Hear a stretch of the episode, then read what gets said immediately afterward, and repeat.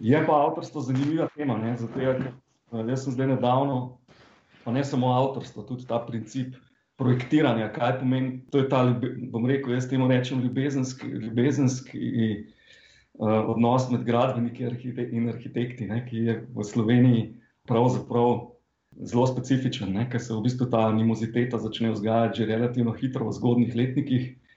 Uh, pravzaprav je po mojem mnenju, da v bistvu premalo sodelujemo, premalo vemo eni od drugih, premalo premal poznamo workflow enih in drugih. Recimo dokaz za to je, ne vem, nedavno sem zdaj en projekt delal z dr. Skubrom, ki je bil tudi, mislim, da profesor na. Peter, ne? Ja. Peter Skuber. On je bil na faksu, na FGG je bil, ena je kleni konstrukcija. Tako je, ne? on je meni lepo razložil, v bistvu ta, mogoče to, ta uh, genesis tega spora. Ne? Za arhitekta pomeni projektiranje, da določi obliko ne? in potem za to obliko, bom rekel, skrbi tekom celega projekta. Ne? Če je to dobro nastavljeno, potem, potem to zdrži, bom rekel, dizajn zdrži do konca. Ne? Dizajn zdrži vse udarce, vse, bom rekel, spremembe, ki nastajajo vem, v primeru portalov vem, zaradi geologije skale, zaradi potrebe prometa, zaradi vseh teh stvari. In če je pač to uspešno postavljeno na začetku, ne, potem je tudi na koncu rezultat še zmeraj približno tak ali pa podoben kot tistem, kar si nastavil, če si prav te dispozicije postavil. Ne. In mi se pač borimo, ne, kot arhitekt se boriš za to, da je uh, projekt ali pa da je objekt pravilno umeščen v prostor, da ima neko svojo zgodbo, da, je, da so, bom rekel, vidne, um, vidni vsi ti inputi, tudi, tudi gradbenih konstrukcij, seveda, pač vseh strok. Uh, Medtem ko je za pač gradbenega inženirja uh, dizajn ali pa projektiranje pomeni, to mi je Peter lepo razložil, ne? potem ko je koncept sicer nastavljen, v bistvu dizajniranje vseh spojev in vseh teh, bom rekel, prenosov teh glavnih sil skozi konstrukcijo v tla.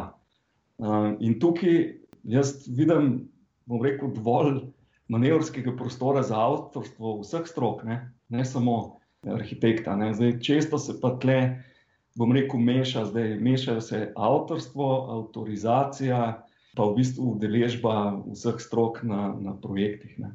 Pri tunelskem delu, tuneli so tako specifični, so projekti tako tek na dolge steze, se pravi, projekt je zasnovan, ne vem, recimo taki trije odmevni eh, projekti v Sloveniji, ne, so seveda prodor Šetvit, prodor Markovec, pa zdaj na koncu prodor Krvanke.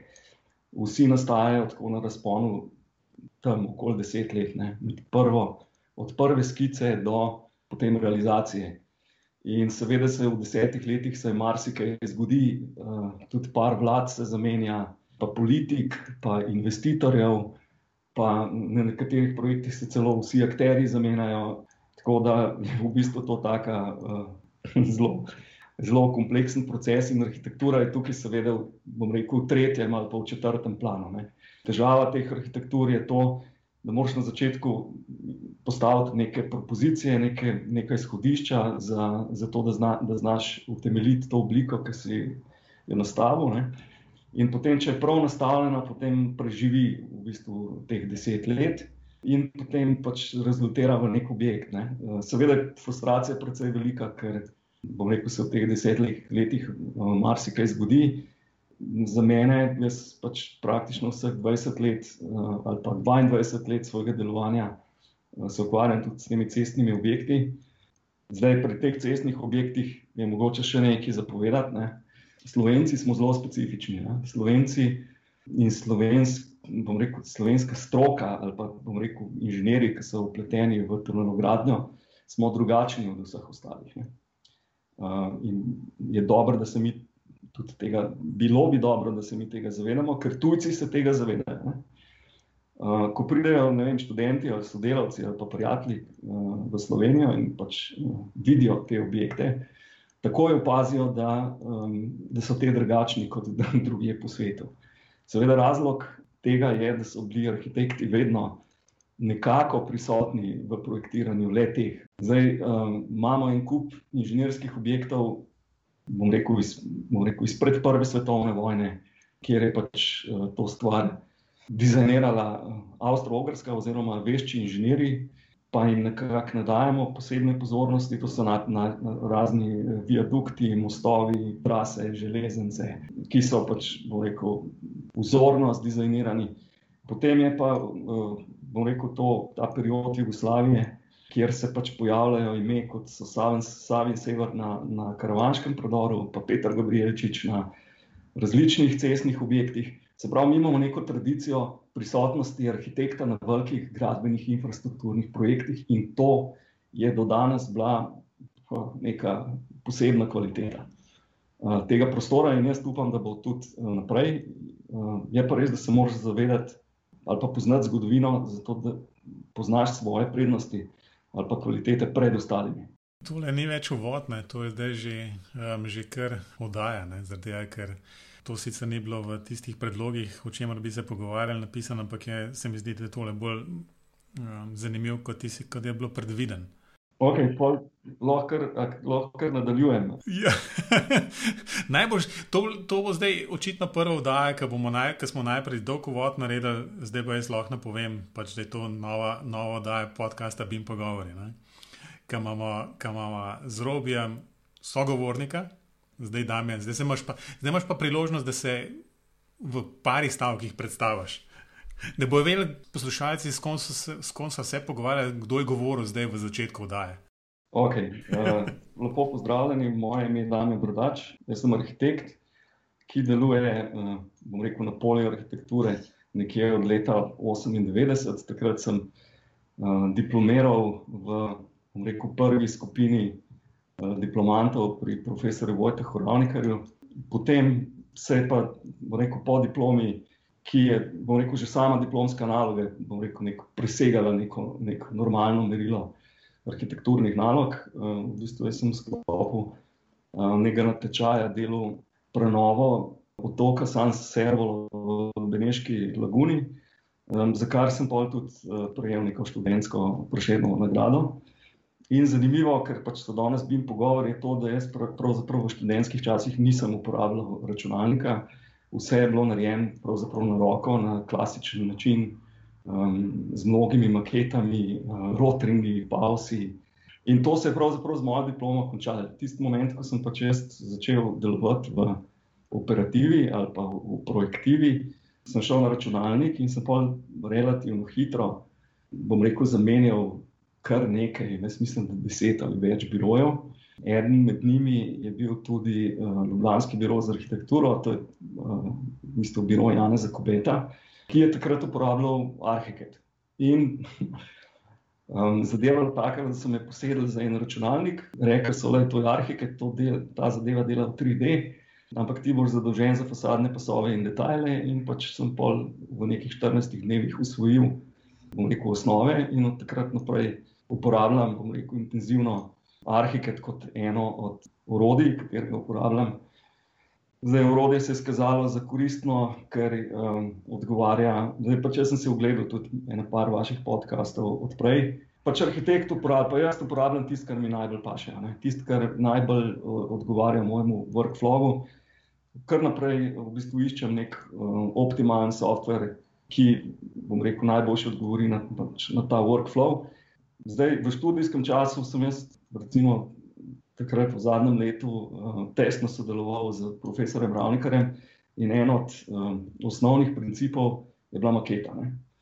In mi smo za nek natečaj, mislim, da je to bila podotiška crkva, uh, ki je bila prva nagrajena, pa potem nikoli izvedena.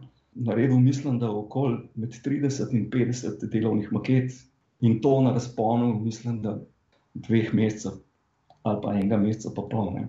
Tako da v resnici sem delal vem, po, dve, po, dva, po dve ali pa tri maketi na dan.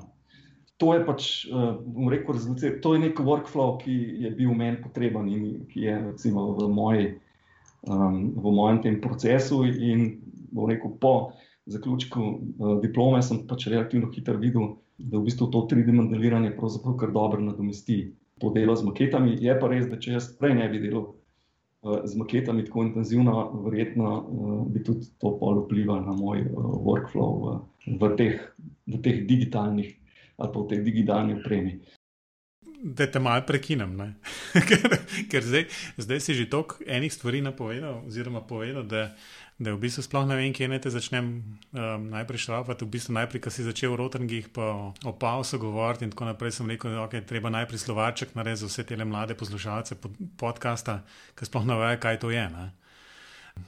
Tako da, no, pa si še maketo omenijo. Um, to je bilo nekako, pa mogoče ne veš, ampak um, jaz sem šel tudi sprejemcem delati na arhitekturo, ne? ni mi rad. Pa sem hvaležen temu, ne, da so mi dali vedeti, da v bistvu le ti nisi za arhitekta na koncu konca me zmeraj fascinira to skoraj obsedeno s temi maketami. Dej povej, kako to sploh gre. No? To, me, to me res zanima. Da se sekirati, ne tudi jaz, ki sem prvič prišel na, na arhitekturo, tudi meni si rekel, da jaz nisem ta prav za arhitekta. Šola za arhitekturo je pač namreč, uh, zarez, ne vem, ima neko svojo specifiko. Vsaj takrat je imela, ko sem jaz bil tam. jaz sem bil tega sicer mal vajen, ker uh, sem po srednješolski izobrazbi strojni tehnik, in sem bil navaden na ta princip uh, mučenja, torture in vojašnice. To, to pomeni, da ti štiri leta nekdo dopoveduje, da je tako mal uh, drill sergeant workflow, kjer testirajo tvojo odločnost, da si isto pravega, uh, da stane nisi. Šola za arhitekturo je takrat bila, ko sem jaz uh, začel hoditi, točno tako narejena, se pravi, da je v bistvu te poskušajo odvrniti vsa štiri leta eh, od tega, da bi postal arhitekt. Pač, če daš to uh, inicijacijo skozi, potem pa že nekaj more, moraš imeti, da vse to zdržiš, in pač potem uh, se začnejo zadeve v višjih letnikih, tretjem, četrtem letniku, potem odpirati, pa prkazovati mogoče drugače. Uh, zdaj, rotringi pa makete. V bistvu gre za, za miselni proces. Ne? Uh, Kenneth Frampton je pač en od um, znanih ali pa bolj izpostavljenih arhitekturnih kritikov in na nekem svojem predavanju večkrat poudaril, da pač arhitektom da je treba delati z rokami. Uh, s tem je mislil, da pravzaprav, ko ti narediš maketo, ne, narediš nekaj, pa lahko s tem, bom rekel, to je urodje za diskusijo. Ne. Recimo uh, profesor Avnikar je ne, na, na nekih mojih prvih korektura, ki sem jih imel z njim, uh, je rekel, ok, zdaj naredite nek urbanizem tam za nove poljane. Uh, in je na, prv, na, na prve korekture, bom rekel, takrat ne bilo osem študentov v, v, v tej prvi skupini. Mislim, da sta dva prenesla neko maketo na naslednje korekture. No, in takrat on je rekel eno veliko resnico. Rekel, lete, tudi če naredite za nič maketo, je boljš, kot da, ko da ne naredite nobene. Ker če naredite maketo, ne, pač lahko o tem na naslednjih korekturah pogovarjamo. To je poanta tega. Ne. Zdaj, BIM, pa 3D projektiranje, pa vse to, kar zraven spada, je pač urodje. Um, jaz imam neko predavanje na temo BIM-a iz leta 2004, ki so me prosili nek, interno v neki firmi in sem pač točno to paralelo dal. Na enem slajdu um, so bili trikotniki, pa rotringi, uh, pa trirobno merilo, na drugi strani je bil pa pač nek 3D model. Ne.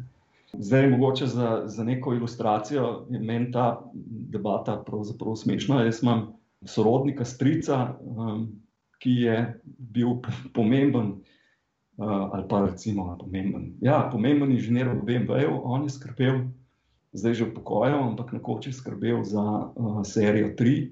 Se pravi, mislim, da za, uh, za, zadnjo, za zadnjo os, dovod goriva, pa tank um, za serijo 3 in je na, takrat, ko sem jaz, mislim, da leta 95, uh, še preden sem diplomiral, šel na neko potovanje v, v, v Ameriko, sem se ustavil pri njemu in me pel BMW, to svojo projektno skupino in pravzaprav sem leta 95 že videl vse tisto, kar um, danes vidimo.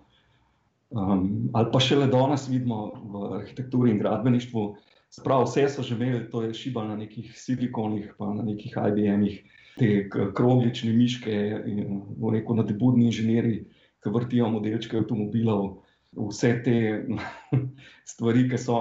Tako da v bistvu je to tehnologija. Ne?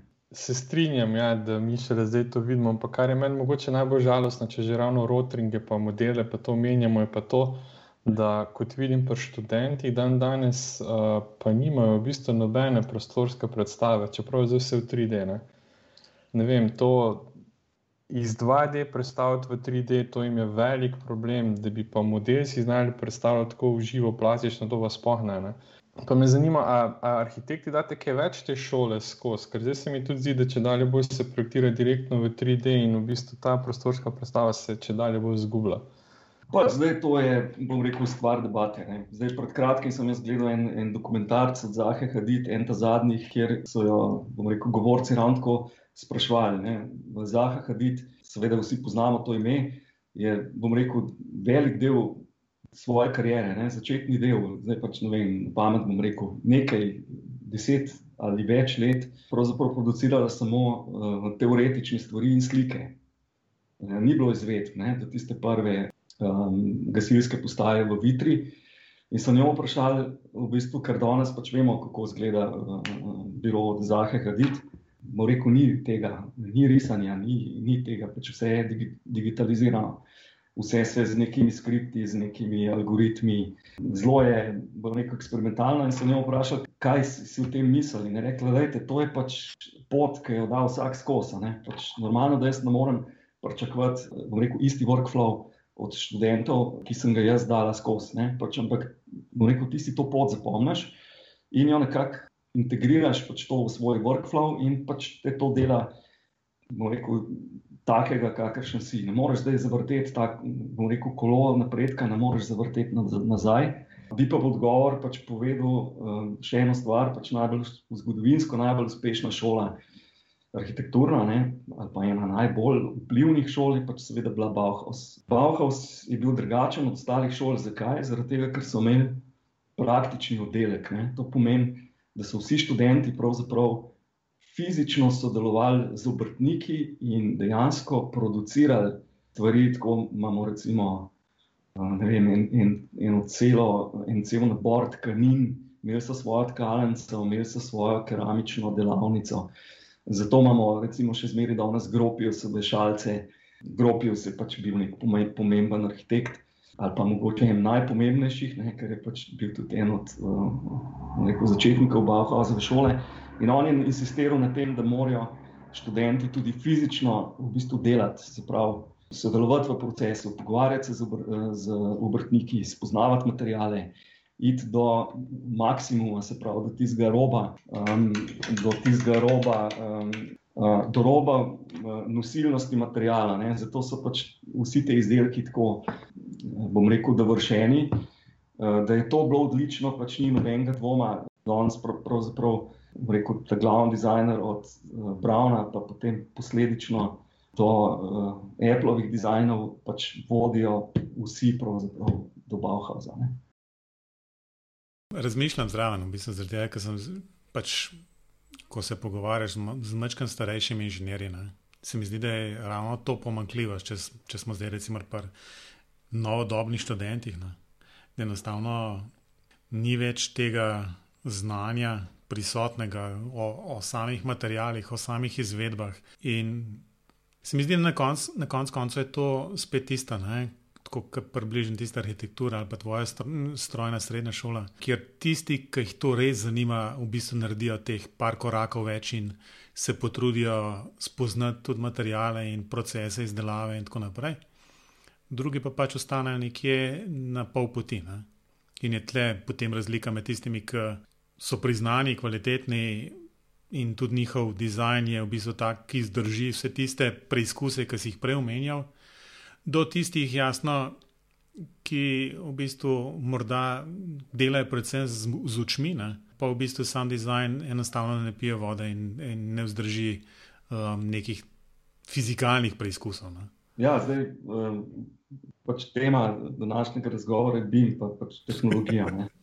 Jaz bi Mislim, dosti često gledam te, eh, bom rekel, predavanja, simpozije, vse to, kar se dogaja. Eh, recimo tisto, kar mene ne moti, ampak tisto, kar opažam, je to, da bom rekel, dosti nekritično, pa se to to ni samo, um, bom rekel, um, ko se reče slabost stroke, um, ampak tudi politike. Ne? Mi pač radi gledamo k sosedu. Ne? pa ne, bom rekel, ne kritično uvajamo neke stvari, ki prihajajo do zunaj, brez da bi le te v celoti razumeli. Pač mi nikoli, verjetno kot Slovenija, kot, ali pa kot slovensko gospodarstvo, ali pa kot slovensko gradbeništvo, nikoli ne bomo mogli v celoti implementirati tistega, kar delajo recimo Nemci, ali pa niti ne tistega, kar delajo Avstrijci, ker so pač toliko močnejše gospodarstvo. Zdaj, nekritično prepisovati od vseh teh se mi zdi um, v bistvu, bom rekel, mogoče malo nepremišljeno. In si delim mnenje uh, Davida Lozeja, ki ste ga imeli tudi v podkastu, da v bistvu te zadeve morajo biti odprte. Ne? Odprte zato, um, namreč zakaj je to pomembno za arhitekta. Arhitekti smo pač, um, rekel, tudi en vaš profesor uh, z Faksa, Lapajne, Kojni, tega že dolg, uh, kar je, je že kar precej časa, odkar je on bil profesor na, na gradbeni fakulteti. Uh, je menda nekoč rekel, arhitekti slovenski ste tako, kot je mentaler. Ne? Ful ste dobri, ne? ful ste okusni, pametni, super ste, ne? ampak lukne v znanju imate pa velike. Uh, Tega pa nisem še slišal. ja, ja, to so, to so taki, ki jih imamo. Pa zelo huda. ja. Pa, pa, pa, no, pa ki smo že prvico, jaz mislim, da je humor ena od tistih tem, ki nas dobro. Eh, pele skozi celo to, bom medvic povedal. Uh, imate predavalnico, ki je polna arhitektov. Uh, in sred predavanja, bom rekel, luč ugasne, crkne, žarenca in pride, zdrž, dolg čas se ne zgodi, pol pa pride vzdrževalec, pa zamenja to žarenco. Uh, in se potem, seveda, vse zbrano občinstvo, bom rekel, razburka. Ne? In vsak komentira. In veste, kaj je bil najbolj čest komentar uh, arhitektov prisotnih? Večina jih je rekla, jaz bi to naredil boljše. Zdaj, uh, gradbeniki se spolj zmeri, seveda, uh, hahljajo, ker jaz to povem, ampak v resnici je neka, bom rekel, genetska struktura uh, tega workflowa arhitekta. Arhitekt je pravzaprav kodiran za to, da, da poskuša, ne? da naredi veliko število iteracij, uh, veliko maket, veliko preizkusov, veliko enega dela, preden to narediš. In ti moraš biti nekako prepričan, da, uh, da lahko narediš boljše, če ne, ne bi bilo napredka. Tako da to je del resnice. Jaz mislim, da se moraš tudi uh, biti malo sposoben smejati na svoj vlasten račun, v tem primeru arhitekta. Ne. Je pa zanimivo. Ne? Jaz ne vem, odkje od je študent to, ampak neko arhitekt, gradbenik, v bistvu to razmerje. Ne? Kot si prej omenil, ni, ni glih um, nek vzor um, dobrega sodelovanja tukaj v Sloveniji. Ne? To se mi zdi, da te študenti že, že na faks s tem pridejo. Ni tako, da, da se jim to usedi, da, da to potem na, na, na faksu spoznajo, ali pa da se tle priučijo tega razmišljanja napačnega. Recimo, to, to, ali, je, ali je v družbi taki ta? To sem jaz tudi hotel komentirati, da v bistvu učim prve letnike in v prvem semestru mi že študenti s takimi ven hodijo. Ne? Jaz sprašujem, kdo jim je to rekel. Ja, to se pa ve. Tako da, ko je bilo prej tako, da rečem, da se ne vem, a bo to pol prišel v oddajo ali ne, ampak da se um, arhitekti pa gradbeniki ne marajo. Ne? Pa ne vem, mislim, to je neka fama, ko se že ful dolgo krok potika, ampak Ne vem, ne vem pa, kako osnovno. No. Jaz saj vem, da pri tistih predmetih, ko sem jaz zraven, se tega definitivno ne uči. Je pa smešen, ja, tisti. Ja. Jaz bi to naredil boljš, to izmeri tako. Ja. Zanima me, kaj, bi, kaj bi rekli gradbeniki. Jaz mislim, da je v bistvu to eh, tako kot podobno, kot so bili prej debata z Rotringi, da je odgovor v tem leži v zgodovini, ne? v naši zgodovini. Ne? Mi vsi poznamo, vemo, da sta dva neka taka principa. Ne? Nek anglosaksonski princip, vloge arhitekta, kjer um, bom rekel, je arhitekt tisti prvi kontakt z investitorjem, ki vodi tudi investicijo in je nekak garant, da bo naročnik potem na koncu dobil uh, dober proizvod. In pogosto trasirajo denar preko arhitekta. Ne. To pomeni, da kolegi, ki, so, ki imajo mednarodne prakse, to tudi potrjujejo. Recimo v Franciji je celo arhitekt tisti, ki um, rekel, potrjuje fakture ne, pod izvajalcem. Nemški način je malo drugačen. Ne? Nem, Nemci so pogruntali, da pač je, eh, če je arhitekt prisoten na gradbišču, to pol pomeni eh, povečanje stroškov. In, in so pač naredili tak, eh, bom rekel, princip, da arhitekt naredi projekt, potem ga pa hoče, bom rekel, odstraniti iz tega gradbišča. Seveda, pri velikih arhitektih to ne funkcionira. Ne? Zato, in tudi pri velikih arhitekturah ne, to ne funkcionira. Ne? Vsi vemo, da vem, Kalatrava ali pa Zaha Hadid ali pa ne vem, Siza ali pa pač vsi ti veliki arhitekti, pravzaprav to dodano vrednost potem. Dodana vrednost je ravno v tem, da ta izdelek ni narejen za, rekel, za pet ali pa deset let, ampak je ta objekt še zmeraj ponekod celo ikoničen, ne? tako kot je pač recimo muzej v Bilbao, ki je v bistvu celo regijo dvignil in je, bom rekel, tisti uložek uh, zanemrljiv, koliko je benefitov prinesel ta muzej v Bilbao uh, celi regiji. Pa so pa drugi infrastrukturni projekti, ne? mi imamo recimo vem, zgodovinski ureditev uh, vodnih poti Loare, recimo, ne? so vložili blazne denarje za to, da je bilo to plovno in potem še dan danes pravzaprav neko gospodarstvo potem črpa benefite iz tega. Ne? Sicer to zdaj niso več gospodarske poti, ampak so turistične, mogoče še bolj pomembne in potem neka taka infrastruktura um, nosi plus še dolg časa. Ravno sem hotel samo dodati, ne, v bistvu, da se mi zdi, da, da v Sloveniji manjka recimo nekih te drznosti ali pa v bistvu takšnih objektov, ki bi dejansko bili v ponos Sloveniji na koncu koncev. Ja, ampak vse to je tako. Ne. Mi smo, ah, to je. Zdaj, ena paralela je med nami, ne, med Slovenijo, kako Slovenci izgledamo. Je, jaz dosti često uporabljam to Martina Krpana. Ne.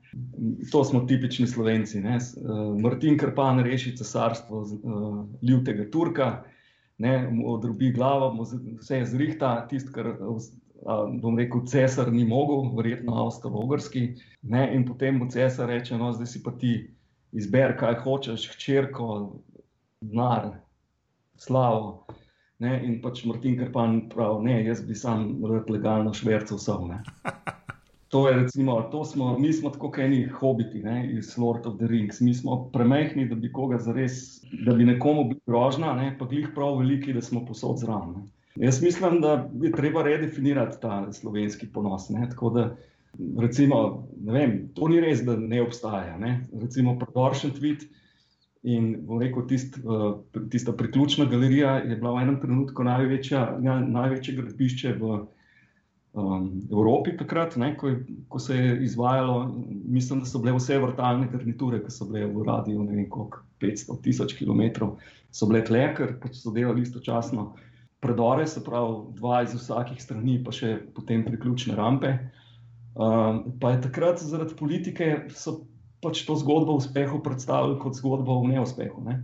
Potem imamo črnokalski, črnokalski um, viadukt, ki je tudi, uh, bom rekel, neka taka zadeva.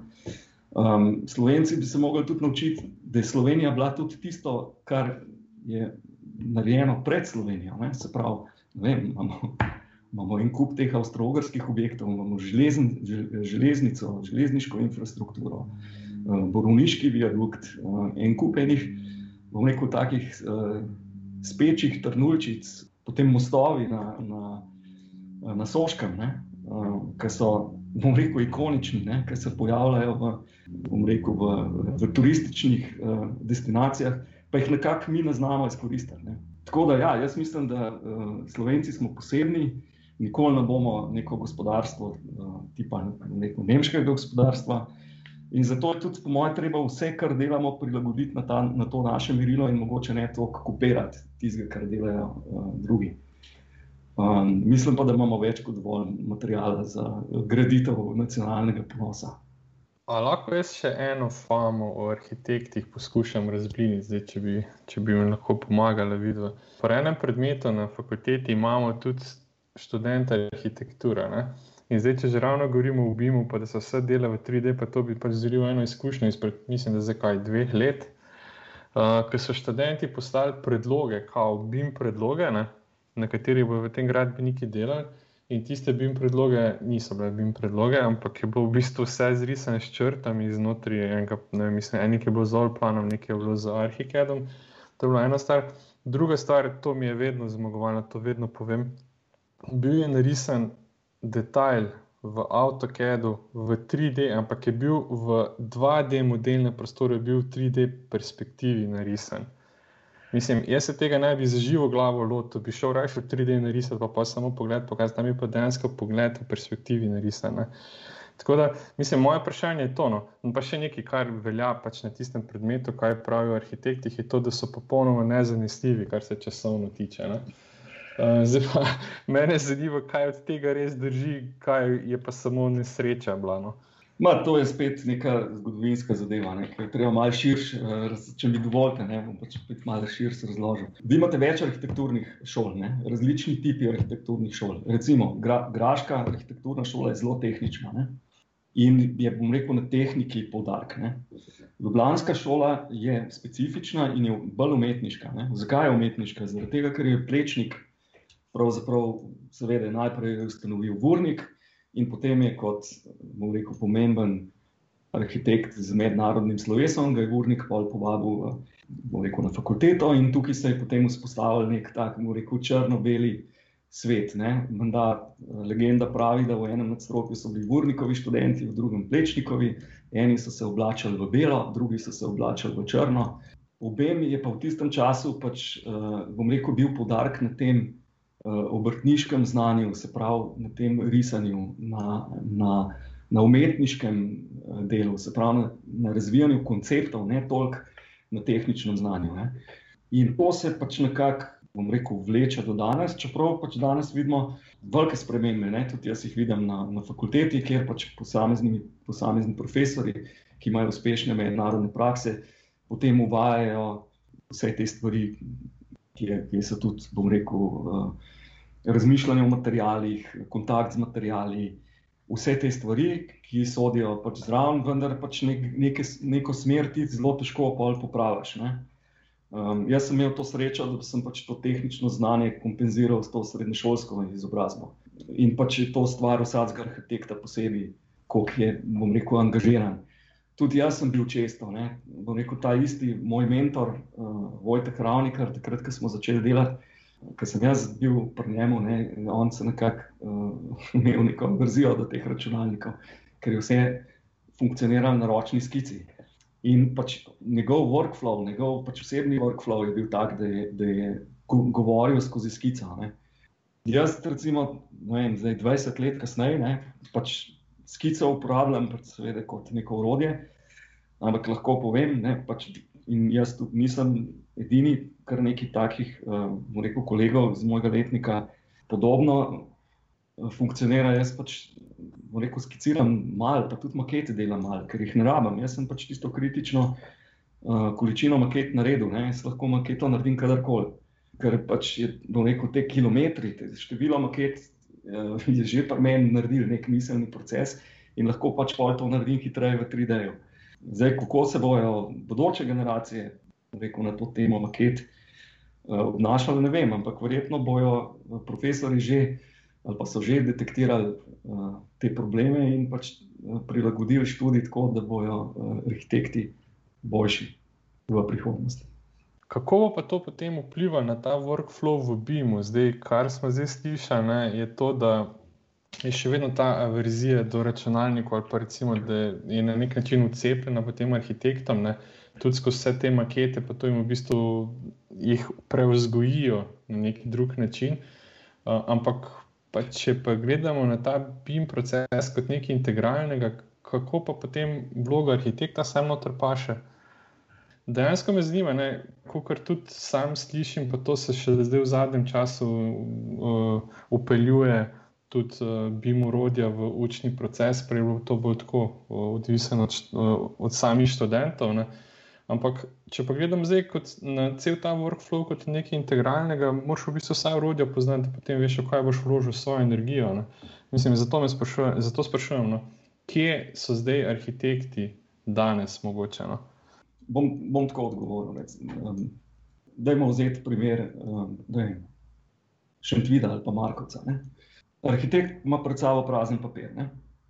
ali pa nek, nek, neko projektno nalogo. Ne? V primeru Markovca je bila naloga recimo naslednja. Treba je bilo umestiti uh, portal, portalno območje v neko cestno, v cestno infrastrukturo, ki pa je ob enem tudi izpostavljena iz mestne vedute. In zdaj pač ti narediš neko prvo skico. To je, to je delo arhitekta. Ne? Delo arhitekta je, da v bistvu naredi analizo lokacije, konfiguracijo terena, posname vse tisto, kar se da, in pač začne postavljati objekt v prostor. To je delo arhitekta. Ne? Rekel BIM, pa vse to, kar sledi, so urodja, s katerimi ti v bistvu izvajaš te procese. Ne? Arhitekt je tisti, ki prvo črto potegne, ne na vseh projektih, ne? pa tudi um, često na robe. Recimo, ko sem, ko, seveda, ko sem jaz začel delati, uh, ne vem, Šentvit, uh, je moj portal na začetku imel 60 cm ploščo, ne? na koncu je imel 80 cm ploščo, ker so me gradbeniki šolali, uh, da je tam 15-metrski razpon, pa da ne bo šlo. Ampak še zmeraj je bila plošča, ne? še zmeraj je pač ta osnovna ideja iz, iz začetka ostala. Zdaj, nedavno, v bistvu na neki BIM konferenci, smo si delili podi z Markom Dabrovičem, ne? to je pač on je en od partnerjev 3LHD, to je nek bom rekel, zdaj že precej velik in zelo uspešen uh, biro Hrvaški, uh, ki se ukvarja tudi s hotelsko gradnjo. Mislim, da so lansko leto ali pa letošnjo leto dobili neko veliko nagrado za ta park hotel v Rovinju. No, in smo si delili podi skupaj, in recimo so predstavljali njegovi strojniki uh, tudi na tem, uh, na tem panelu. Uh, workflow in recimo to, to je bil nek vibranten tim, star med 25 in 35 let. Ne? Jaz sem ga vprašal, v bistvu je bilo eno vprašanje, kako ste začeli to uporabljati. Rekel, najprej smo, mal, uh, najprej smo bili malo nesigurni, potem smo šli pa na YouTube, kjer je tako, tako vse, in smo v, praktično v enem mesecu, rekel, kaj gova, poabsorbirali vse, kar je na YouTubu, in smo naredili ta prvi BIM projekt. To je to je recimo nek tak uh, prav vibranten uh, pristop. Ne? Recimo ena od stvari, ki mi je Marko tudi povedal, ki je dosti često v Sloveniji nekaj sprašuje, ja, bi mu uporabljaš, pa je to uh, neko velika poraba ur, pa koliko je to pa na projektu več. In je pač lepo odgovoril, tiskal uporablja BIM, uporablja BIM. In to je pač tudi, bom rekel, moj odgovor, jaz delim to mnenje z njim. Jaz mislim, da BIM uporabljam že 20 let, uh, ali pa del BIM-a en, en majhen fragment bima, zdaj kreiranje propertijev, pa se pravi lastnosti, ki jih lepimo na posamezne elemente znotraj modela, pa kako morajo ti modeli biti, pa kaj morajo more noter pisati. To je pa po mojem stvar standardov, ne, ki jih pa pri nas nimamo. Ampak še zmeraj to ne more biti odgovor, da ne moramo biti ali pa da nočemo biti kreativni. Ne. Moja izkušnja je taka, da je v Sloveniji ogromno uh, izjemnih mladih vibrantnih, sposobnih inženirjev, ki so pripravljeni v to grizniti in tudi grizejo. Ne. Žal pa je, da v tem BIM komunitiju uh, se noben ne potrudi, pa te mlade ljudi zbrska ven, pa jih potegne ven iz, uh, rekel, iz teh inkubatorjev, iz teh bablov. Tako da, ker se bo to začelo dogajati, bo po mojem tudi ta BIM hitreje krenil v Sloveniji. Bom tako rekel, zdaj ne vem, ali sploh delim to mnenje, da se BIM dogaja počasi v Sloveniji, morda res, ampak uh, se mi zdi, da je to, kar se počasi dogaja, to recimo neka zakonodajna podpora temu. Tem, ko jaz mislim, da je vsak, kar tok sposoben inženir, arhitekt ali kakorkoli, mu najbrž ne pride danes na pamet, da bi nekaj delo na papir ali pa ne vem, po starem, ne, ne po bimovsko. Zdaj, ali je to, mislim, zdaj spet lahko debatiramo, kaj je BIM, kaj ni BIM, pa kakšen je ta proces in gor in dol. Ne? Ampak verjetno je malo kdo, ki bi rekel, ok, jaz pa tega ne bom uporabljal. Ne?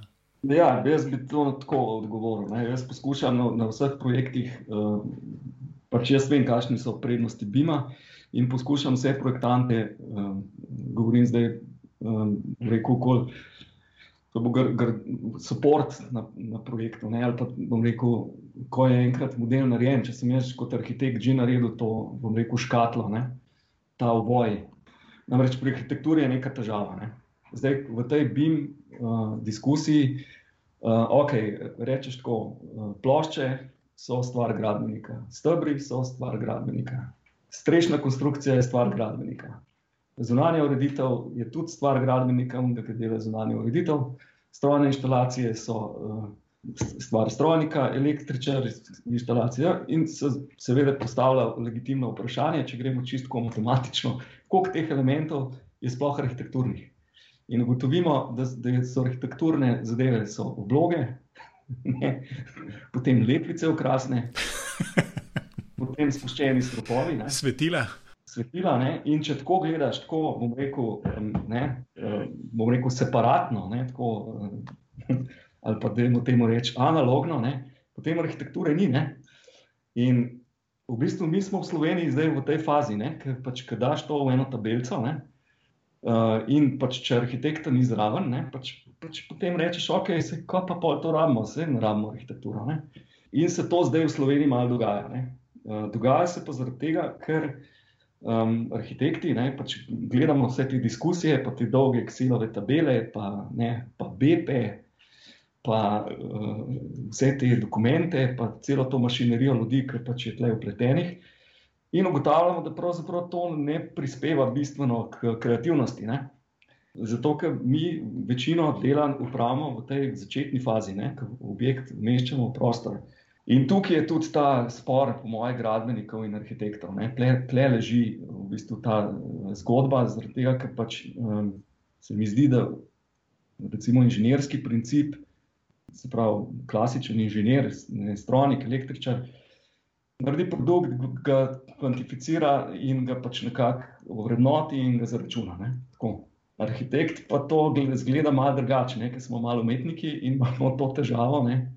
Tudi jaz sem jo imel, ne? ali pa še zmeraj imam, da se radi podpišemo na, na svoje delo. Ne? Zato, ker zavedati se treba, da pač do poslov velikih ne? je tudi težko pridati.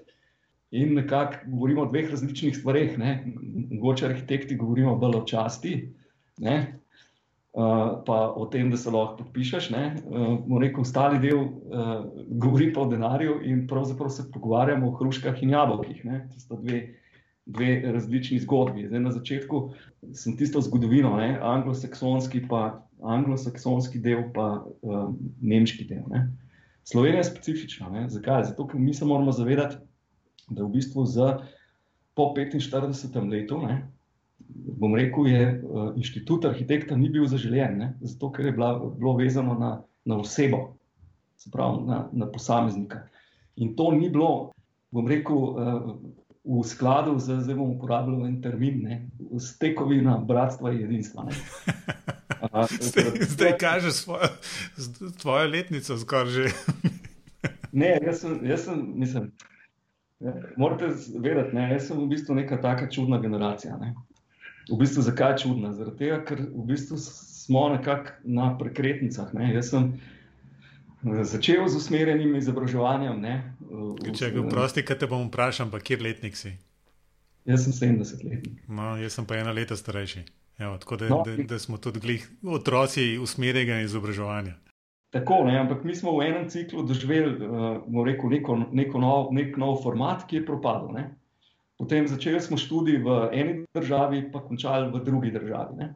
Recimo, jaz imam en primer eh, sošolke, ki je, eh, to je tako hecna anekdota, ki je bila, mislim, da pred osamosvojitvijo so se zapusta oblekli v pionirčke in so končali pri ravnatelju. Potem so pa naslednjo leto, oziroma ko je bila že Slovenija, so se spet oblekli v pionirčke in so spet končali pri ravnatelju. Ne, to je to je v bistvu ta, da bi rekel, cinična, uh, cinična generacija. Zdaj, zakaj sem začel govoriti o tem? Zaradi tega, ker je po letu 45 se je v bistvu rekel, jeziček ali pa moč obnove po vojne uh, Jugoslavije in s tem tudi Slovenije prenesla na gradbena podjetja. Ne? In je ta nomenklatura pravzaprav funkcionirala do te uh, zadnje krize, tam 2009-2010, ko so pač te slovenski gradbinci potonili. Ampak, uh, bom rekel, mi imamo nek, mi imamo nek prostorski presedan, ne? to nikjer ni v Španiji, Nemčiji, nikjer, nikjer nimate, da, uh, recimo, na, da je na objektu tablica, pa piše gore SCT ali pa Pionir Novo mesto. Ne? Tega ni nikjer v Evropi bilo.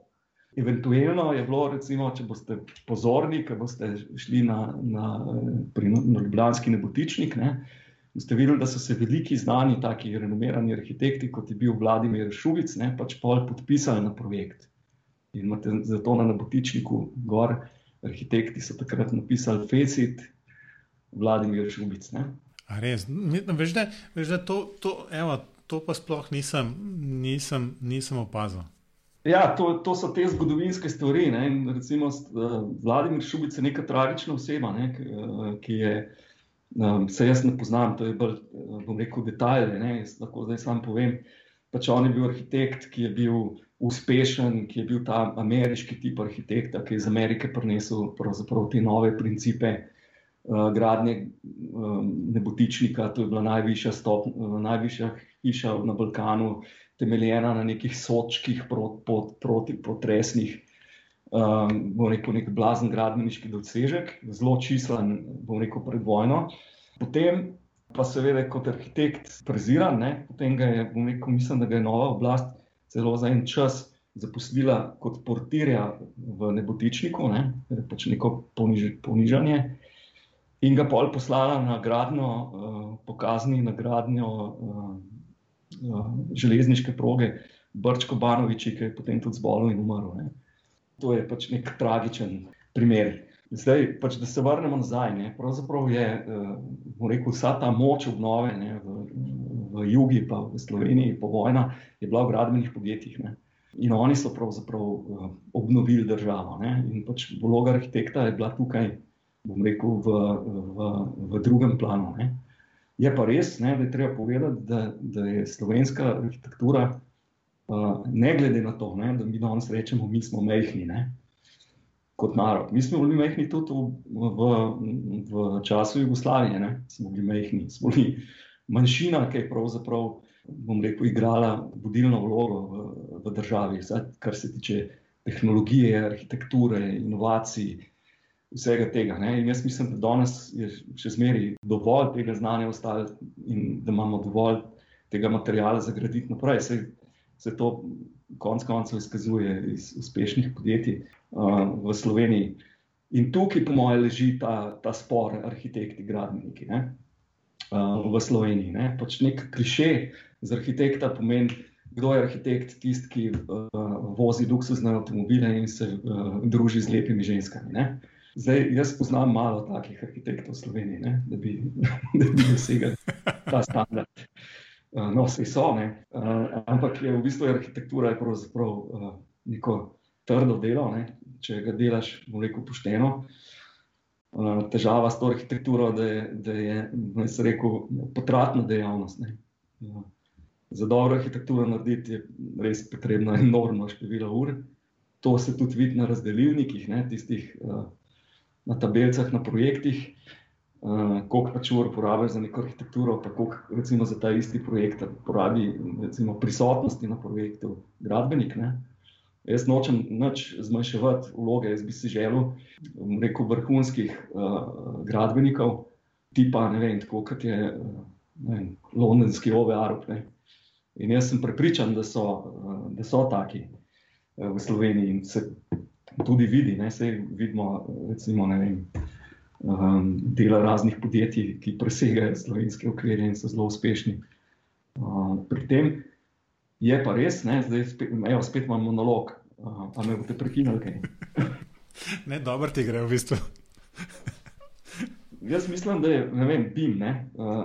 tisto prejšnjo vprašanje, pa, pa standardi, pa v bistvu ta, bom rekel, nomenklatura, ki drži v bistvu te BIM, BIM zadeve. Nekje, ne vem, par let nazaj sem jaz na enem takem simpoziju in še zmeri uh, držim do tega, oziroma stojim za tem da bi BIM morali upeljati uh, postopoma, uh, zato, da se, zato da se pridobi kritična masa, uh, zato da čim več ljudi to začne uporabljati.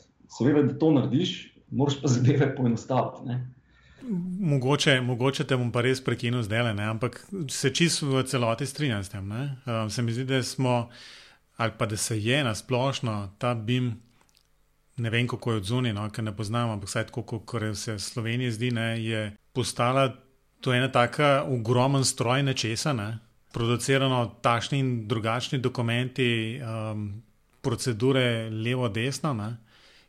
In to konec koncev precej izključuje neke, neke male projektante, neke male arhitekte, ki tega ne morejo zvoziti, no? ali pa ne želijo na koncu konca tudi. Ja, vem, jaz sem pač imel, recimo, kako sem jaz začel z BIM-om. Seveda sem imel težave, ker sem pač to silo, to sem želel. To, to je bilo tam okoli, recimo, ne vem, kdaj je bilo to 2014, 2015, da sem začel to bolj intenzivno um, izpostavljati in uh, promovirati. Takrat mislim, da je, da je pilon pripeljal uh, uh, arhitekte iz Ajeda, ne, to je nek biro iz Singapurja z 500 arhitekti, uh, ki so začeli te stvari kazati. In ko smo se pogovarjali, ne, so pač nekateri, ki so bili na, na tem uvodnem sestanku, pač, uh, ker sem jaz tudi predstavil neko svoj del. Ne, Ko pač on predstavi sebe, pa ti predstaviš sebe. In pol mu je rekel, ta um, arhitekt iz Zajeda, rekel, pa vse to vi že delate. Ne?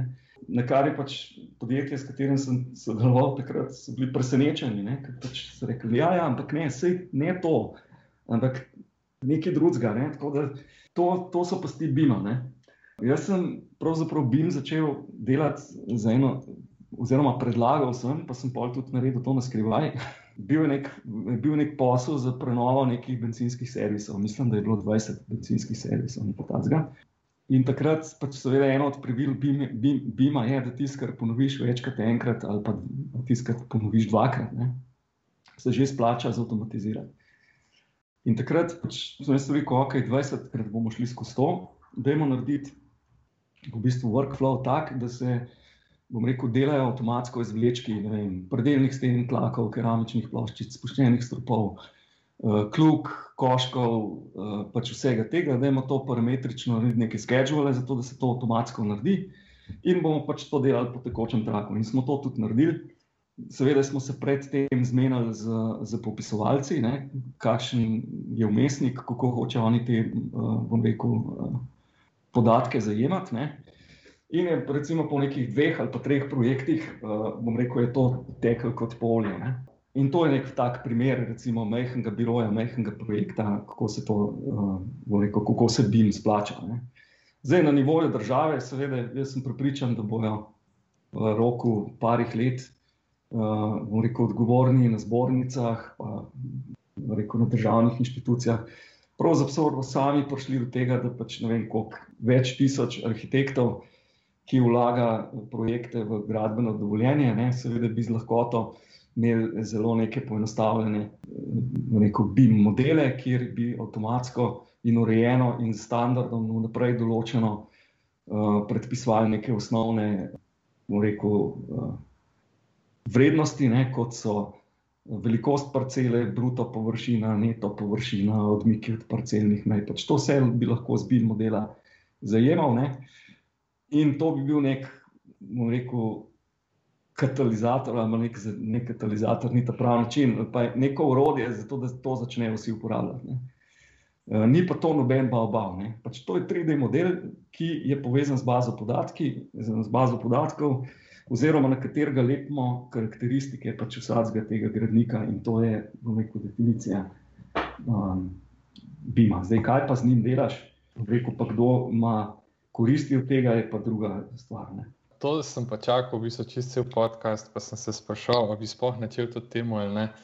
To je pa nekaj, kar sem si zapisal že takrat po um, tem predavanju na CBIM-u in sem tudi Mateožu rekel, če se spomniš, Mateož, kaj je zdaj BIM, ali se spomniš? Ja, res je, pa še te sem... zapiske, ti sem našel, ker si to dejansko zapisal, ne? to je bilo prišlo v tistem uh, pogovoru, uh, mi je, ja. mislim, da je van. No, to, to mi pa ležalo na duši, čisto v podkastu in sem dejansko tudi iskal, mislim, da sem tudi jaz našel to. No, no to pa moram reči, da s tem se pa ne strinjam. No. Um, BIM ni, mislim, ne prilepimo mi nič na 3D, ne, ampak v bistvu BIM je baza, iz katere pa tudi 3D ven izhaja, pa je noter vse še ostalo. No. Druga pa, z drugim se pa lahko samo strinjam. Ne. In sem tudi hotel reči, v bistvu, da to bi bil tudi čisto v redu. Uh, zaključek. Se mi zdi, to je bilo tudi recimo, delno vprašanje, ki sem ga hotel postaviti. Veš, a so modeli, ki jih delaš, recimo, temu BIM modeli, ne? ali so 3D modeli. Skratka, ampak, reče, mislim, mislim da, ne, da, da, da te bomo še ne parkrat povabiti, zato ker si poln nekih anegdot in, in lepih zgodbic. Ne? Ampak Ja, tle se mi zdi, da je tako um, malo vprašanje, no? kaj je to. Je 3D plus informacije ali je BIM kot proces, pa ven iz tega pade 3D. V tem smislu nekako. Ne? Vsak vleče neko zgodovino. Ne? Pač temu si ne morem tega, temu pomagati. Ne? Pač jaz sem rekel, ne vem, kako bi temu rekel, že senior. Ne?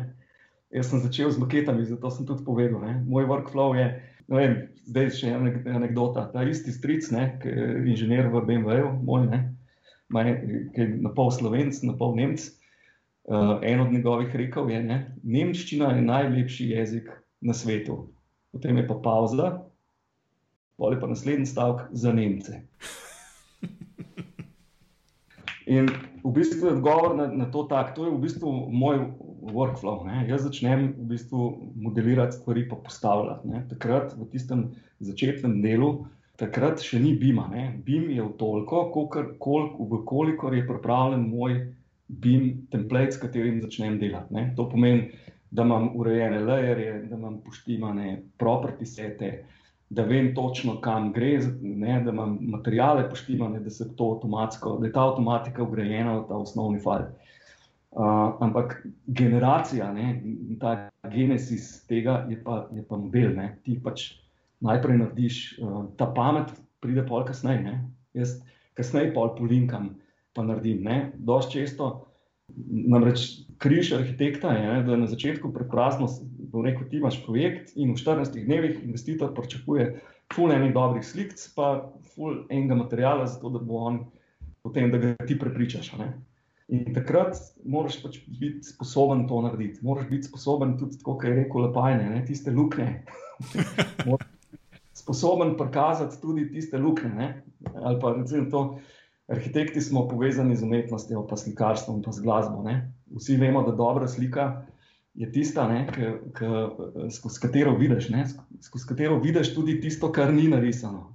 In tukaj je ta umetniški moment. Ne. Ti moraš na začetku pravzaprav postaviti ali pa predstaviti nekaj, kar še ni, še kar še bo. Ne? In uh, v tem smislu je pač moje videnje tega, tako kot sem povedal, ta workflow. Jaz naredim, bom rekel, telo, ne, pač nek pride objekt, na katerega pač potem kasneje, seveda skozi ta workflow, ga skrbim za njega, ga zalivam, ga, ga razvijam, dodajam, uh, delam pač vse tisto, kar delam z njim. A bo v redu razlaga? Um, v bistvu je to dobro, da sem kar mal jezen. Ampak. Res je, v bistvu, um, se sem hotel komentirati. Mogoče to pride zaradi usmerjenega izobraževanja, ampak um, dobro, kakorkoli že ne. No, to je pa drugo, to je pa moj drug komentar, da sem prestar za ta pogovor. Ne, ti si premlad za ta pogovor. Ja.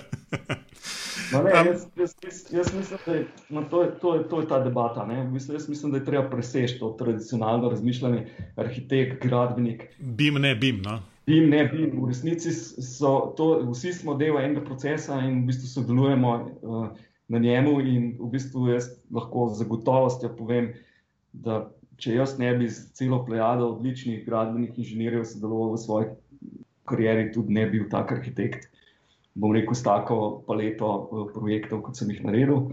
Zdaj mogoče še uh, neka taka zgodba, recimo v enem, poleg teh predorskih objektov, pa teh rekel, zgodovinskih objektov, um, ki sem jih delal, ne, se pravi, ne, to so predor Šentvit, predor Markovc, predor Karavanke, drugi tir. Um, železniška postaja Ljubljana, to so taki, bomo rekel, večji razupiti, pol so pa pač zgodovinski, crkva svetega Frančiška, palača v Sečo, crkva v spodnji Slivnici, um, hiša za vlak, pa potem do nekih takih, kot je bilo recimo prenova letališče Crkve. Vsega tega pač seveda ne, ne bi bilo. In ko sem, ko sem bil v uh, kontaktu z arhitektom Fisterjem iz GMP, -ja, to je spet en tak velik nemški biro, uh, ki ima 500 arhitektov. Med drugim so pač delali tudi Ljubljanski stadion, seveda ne samo Ljubljanski stadion, Plečnikov, ampak tudi uh, stadioni so njihova uh, specialiteta, tudi Berlinskega, ne? ta znani uh, Hitlerjev stadion, prenova tega. No, in je on pač pol prišel, um, ko smo delali skupaj, rekel: Pa vi ste čudni. Je rekel: Kako? Pač pri nas, če delaš stadion, ne delaš stadion. Ne? Uh, kako zdaj to pri vas, ti delaš malo to, pa delaš malo un pa delaš uh, vem, vse stvari. Rekel, ja, to so prednosti majhne države. Ne? Sicer si slab plačan, ampak lahko veliko delaš. Recimo, tudi taka anekdota je bila, da je kolegica, ki je delala uh, v mojem timu, je bila Portugalka, Leonor Coutinho, ona je, bom rekel, iz Ljubljana pošla direkt uh, k Normanu Fosterju, ne, uh, v znani biro. No, in so potem s Fosterja mene klicali čez en mesec ne, in so rekli, kako je to možno, pač, ali je ta ženska laže ali, ali, ali, ali res delala na vseh teh projektih. Sem jaz rekel, ne, laže, res. Res je, ne? res delamo malo, malo delamo tunele, malo delamo letališča. Malo crkve zraven. Ja, in, in jaz mislim, da to je prednost Slovenije. Ne? Prednost Slovenije je to, da smo, da smo mehki, da smo tehnološko napredni, da smo pač neustrašni in mogoče, da smo, bom rekel, tudi, uh, bom rekel, je to velika prednost. Kaj Nemci se ne upa tako kršiti pravila, kot se jih mi upamo. no, in na. Mi si pa upamo, zakaj, ker pravil nimamo. Uh, recimo, da, da, da je to pozitivna zadeva. Ja. Damjan, um, jaz bi se s tabo reče pogovarjal, ampak mislim, da, da bomo zgubili vse poslušalce za naslednje oddaje, če bomo tole oddajo raztegnili na dve uri. Tako da bi jaz na tem mestu počasi zaključil, tega, ker um, pa še na pozitivni noti smo trenutno, ne, ne kritiziramo. Vedno na pozitivni. jaz si bom vzel to pravico in bom se spomnil na te spet čez uh, nekaj mesecev, ko bo spet kakšna debata pametna, ker, ker sem izjemno užival trenutno uh, v tem pogovoru in teh zgodbah. Uh, tako da bi pa pred koncem, da sem prosil, mogoče za kakšno naslov, kam te lahko poslušalci kontaktirajo za še več teh zgodb. Bom rekel, kontakti so na mojem webpageu, da bo kaj tam so pač se lahko vidi, da so te projekte, ki sem jih jaz imel čast delati v teh 22 letih. Drugače pa tam tudi vsi kontaktni, eh, kontaktni informacije, tako da vsi vabljeni. Končal bi še pozitivno, malo tako neko sladko kisli, sladko kisli uh, reko, ki ga jaz tudi dosti časa uporabljam, dim, ne, ali pa nasploh življenje, tako kot tetris. Gravitacija ne more še toliko odnesti, vse pade dol lahko se pa potrudiš, da, tisto, da tiste kockice prav vrneš. Še ena udarna za zaključek. Uh, to je to za to oddajo, ki se je začela močkam drugače kot sicer. Mislim, da že dolgo nismo bili tako dolgi. Um, kar je samo pozitivno, se mi zdi, zato ker se tudi sekunde nisem dolgo časa. Skratka, poslušalci, uh, če imate kakršne koli mnenja, ste vsekakor vabljeni, da, da, da vam to sporočite. Na, info.afna.si ali pa skozi objave na Facebooku, komentarje na YouTubu, kakorkoli želite. Damien, še enkrat res najlepše hvala, da si si vzel čas. Ja, ni tako, hvala vam. Damien in Robi, najlepše hvala za pogovor. Hvala. Hvala.